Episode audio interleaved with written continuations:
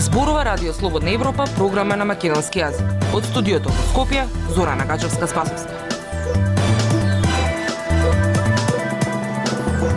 Почитувани, ја следите мисијата на Радио Слободна Европа. Во неја објавуваме се вжешти македонско-бугарската реторика. Македонските граѓани решението за системските проблеми го бараат во странство. Мигранти од Централна Азија преку Мексико до Американскиот сон. Слушајте не. Независни вести и анализи за иднината на Македонија. На Радио Слободна Европа и слободнаевропа.мк. Лавина реакции пристигнаа од Софија кон Скопје по споредбата на премиерот Димитар Ковачевски на бугарскиот дискурс кон Македонија со рускиот кон Украина. Билатералната политичка сцена се вжешти и по обвинувањата за црни листи за бугарски државјани во Македонија.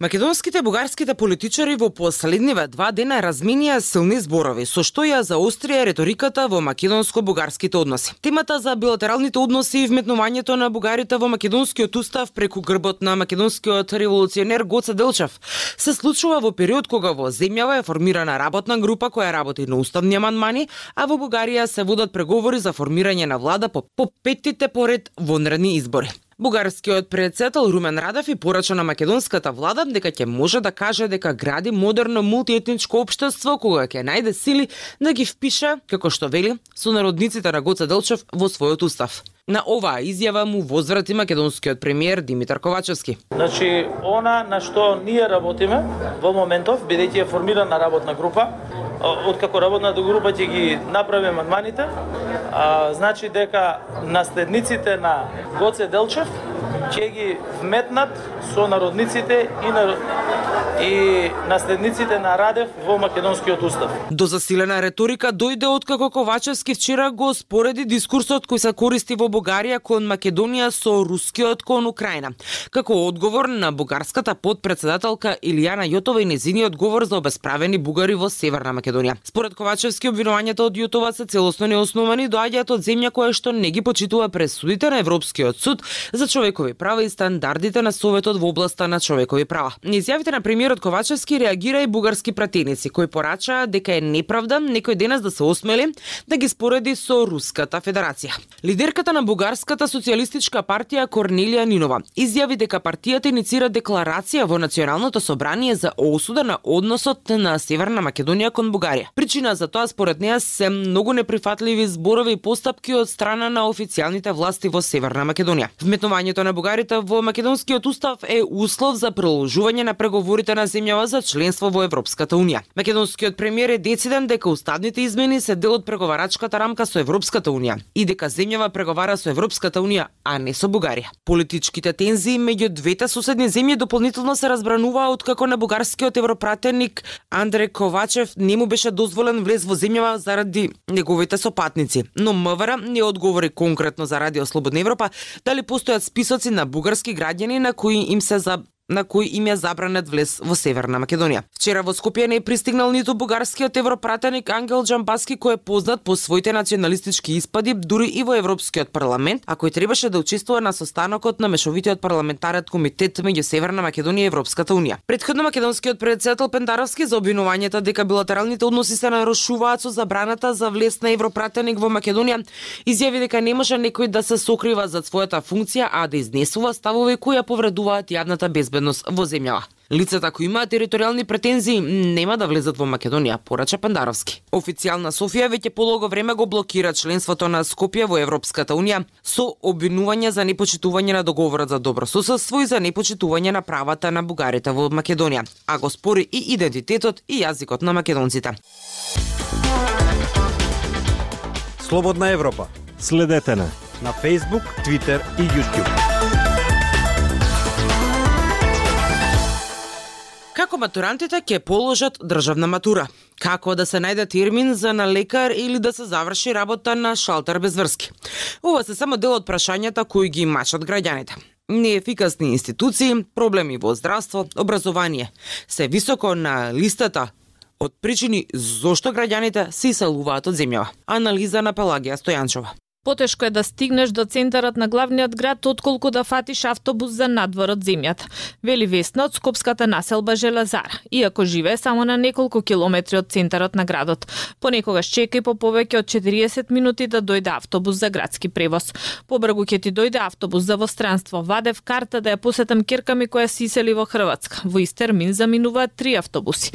Девојчето во туристичката агенција ме праша зошто вадам повратна карта. Сите други се извадиле во еден правец. Од три автобуси само јас планирам да се вратам, вели таа. Додека чека да и дојде автобусот, на памети доаѓа уште една мака. Како помалиот син ки положи матура. До пред неколку денови одржувањето на државната матура висеше на конец поради штрајкот на вработените во државниот испитен центар, институција која ги спроведува овие тестирања. Прво нема книги за сите предмети свидетелства како и секоја година може да им доцнат. Стрес ме представо и тоа што ќе ги чека другата година. Вели Весна и додава дека ништо во државата не може да се заврши без врски. На лекар не чекаш само кога одиш на матичен, а за друго тешко се доаѓа на термин за прегледи, затоа ќе си отидеш на приватно и ќе си платиш. За документи нешто ако ти треба мора да фатиш врски да влезеш преку ред за да завршиш некоја работа. Инаку по цел ден треба да си чекаш, вели таа. Токму затоа незината Керт одлучила да си замине од земјата. Оти на ниту една врата каде што ќе тропнеш не можеш да си завршиш работа, вели Весна. Државната матура е последна во низата стресови на родителите оваа учебна година. Школската година е при крај, а учениците уште не ги добија сите учебници. Генерацијата што сега матурира е посебна приказна, вели Лидија, мајка на двајца матуранти. Ако им се собере се на се, дали 200 дена оде активно на училиште. Оваа генерација учеше онлайн поради ковид пандемијата, а оваа година неколку месеци има прекини во наставата поради дојави за бомби. Се прашувам што ќе биде со нив и како ќе студираат. Стресот сега ми е како ќе положат матура.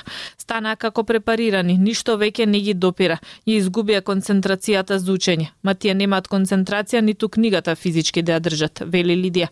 Таа додава дека оваа генерација го пропуштила процесот на зреење, па иако како семејство се трудат да им го надополнат, тоа, е дел од воспитно-образовниот процес што го пропуштиле затоа што не оде на училиште, сепак не во целост успеваат во тоа. Не треба да не чуди што толку многу луѓе сакаат да се иселат. Оти во нијадна институција не може да се завршиш никаква работа и постојано има некаква неизвестност, вели Весна. Масовно се селат, гледам и тука од соседството и не само матуранти да си бегаат, се целат цели семејства, вели таа. Последното истражување на фондацијата Вестмистер од минатата година покажува дека две третини од младите сакаат да се иселат од земјава, а парите не се единствената, често ни главната причина. Покрај нискиот квалитет на образование и ниски примања, квалитетот на здравството, животната средина, социополитичките услови се дополнителна причина поради која младите се заминуваат од државата. Граѓаните се жалат на политизација, корупција и не им веруваат на институциите. Радио Слободна Европа, светот на Македонија.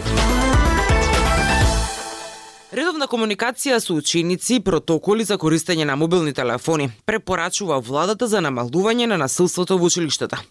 Експертите се согласни дека добро е што државата ги адресира прашањата за менталното здравје и меѓуврсничкото насилство. Иако сметаат дека тоа е малку задоцнато. Тема на Ивана Стојкова.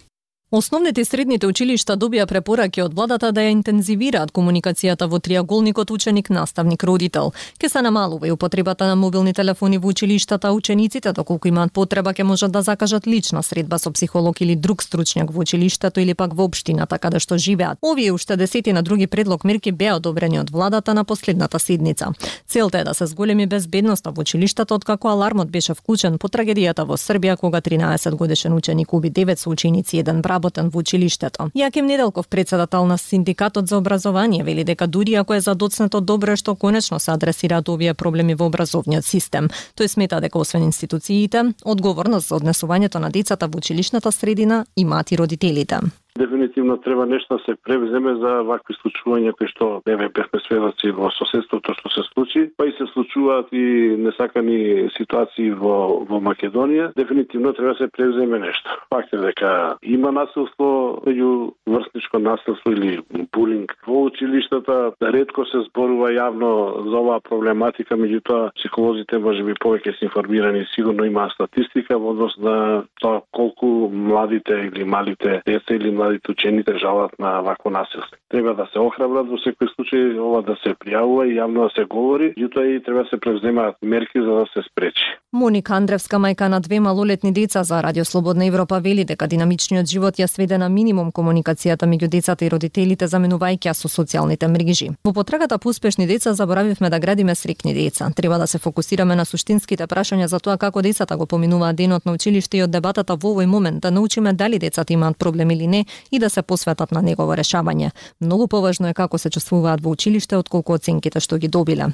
Вели Андравска. Една од предлог мерките предвидува и протоколи за користење на мобилните телефони. Владата им препорача на општините на градот Скопје да ги ангажираат директорите на основните и средните училишта да организираат и воспостават протокол за користење на мобилни телефони од страна на учениците и наставниците за време на часот, но и во училишните простории. Дел од експертите за комуникацијски науки истакнуваат дека во дигитална ера тешко е да се забрани користењето на уредите, прашањето е како да се користат. Но нагласува дека постојат можности уредите да се користат и за развој на знаењето и без комуникација меѓу децата која често ескалира и во сајбербулинг. Според мене, она на кое што треба надлежните институции да работат во моментов е како да изградат правилник, курикулум, насоки да овие уреди кои што ги имаат децата и младите или кои што ги им бидат дадени од страна училиштата за време на часовите се користат за полесно совладување на наставата, за следење на на практични видеа, може би други дигитални платформи каде што нешто се надоградува во однос на самиот час или самиот наставен процес. Вели Бојан Кордалов. Владата на вчерашната седница усвои 10 препораки за училиштата, директорите општините, меѓуопштинските центри за социјална работа, Министерството за образование, Бирото за развој на образованието и Државниот просветен инспекторат, а целта е да се превенира меѓуврсничкото насилство. Актуелности свет на Радио Слободна Европа. Раста бројот на мигранти од Централна Азија кои искористувајќи го безвизниот режим во Мексико со руски пасоши преку Тихуана пробуваат да влезат во Соединените Американски држави. Илјадници киргистанци, таджикистанци и узбекистанци бегаат од руската воена мобилизација и тргнуваат во потрага по американскиот сон. Деталите за оваа историја ќе ви ги пренеса Владимир Калински. Саодат Боева со своето тричлено семејство неделава лета за Истанбул на првиот дел од патувањето, тоа што таджикистанските мигранти се надеваат дека ќе биде нов, подобар живот во Соединетите Американски држави. Таа плановите за патувањето со месеци ги крои со уште петмина други, еден со народник од Таджикистан и четворица киргистанци. Со нив се спријателиле во Москва, каде што моментално живеат и работат како и многу други мигранти од Централна Азија. Ниту еден од нив нема американска виза и не планираат да аплицираат. Наместо тоа, овие пријатели се придружуваат на рапидно растечкиот тренд на баратели на азил од Централна Азија и Русија во обидот нелегално да влезат во САД од Мексико за да ги остварат своите американски соништа. Познаваме многу киргистанци и узбекистанци кои отидоа во Мексико минатата година користејќи ги нивните руски пасоши, а тие веќе се во Америка, работат таму, заработуваат пари, рече Джума Боева за Радио Слободна Европа и ние ќе ги искористиме нашите шанси, додаде таа, посочувајќи дека неа поколебува ризичното патување низ Мексико, во која според некои сведоци може да бидат ограбени, нападнати или затворени. Нејзиното семејство не е разубедено во намерата ниту од новите построги правила за миграција во САД кои потенцијално би можеле да ги дисквалификуваат од барање азил во Соединетите држави. Според новите регулативи кои месецов стапија на сила, мигрантите може да бидат одбиени на граница ако не поднеле барање за азил преку интернет пред да се обидат да влезат во земјата или не побарале прво азил во некој од другите земји низ кои патувале на патот кон Соединетите држави. Оние кои илегално ќе преминат во САД би можеле да бидат депортирани или да се соочат со петгодишна забрана од земјата. Од почетокот на 2022 година забележан е значителен раст на бројот на луѓе кои со руски пасоши влегуваат во САД преку Мексико. Многумина го поврзуваат овој тренд со инвазијата на Москва на Украина настан што поттикна илјадници луѓе да ја напуштат Русија. Податоците на американската влада покажуваат и повисоки стапки на одобрување за барање на азил од државјани на Узбекистан, Казахстан и Русија во периодот од октомври до јануари. Тоа беше се што ви подготвивме за оваа емисија. Со вас од студиото во Скопје беа Зора Нагажевска Спасовска и Дејан Балаовски. До слушање.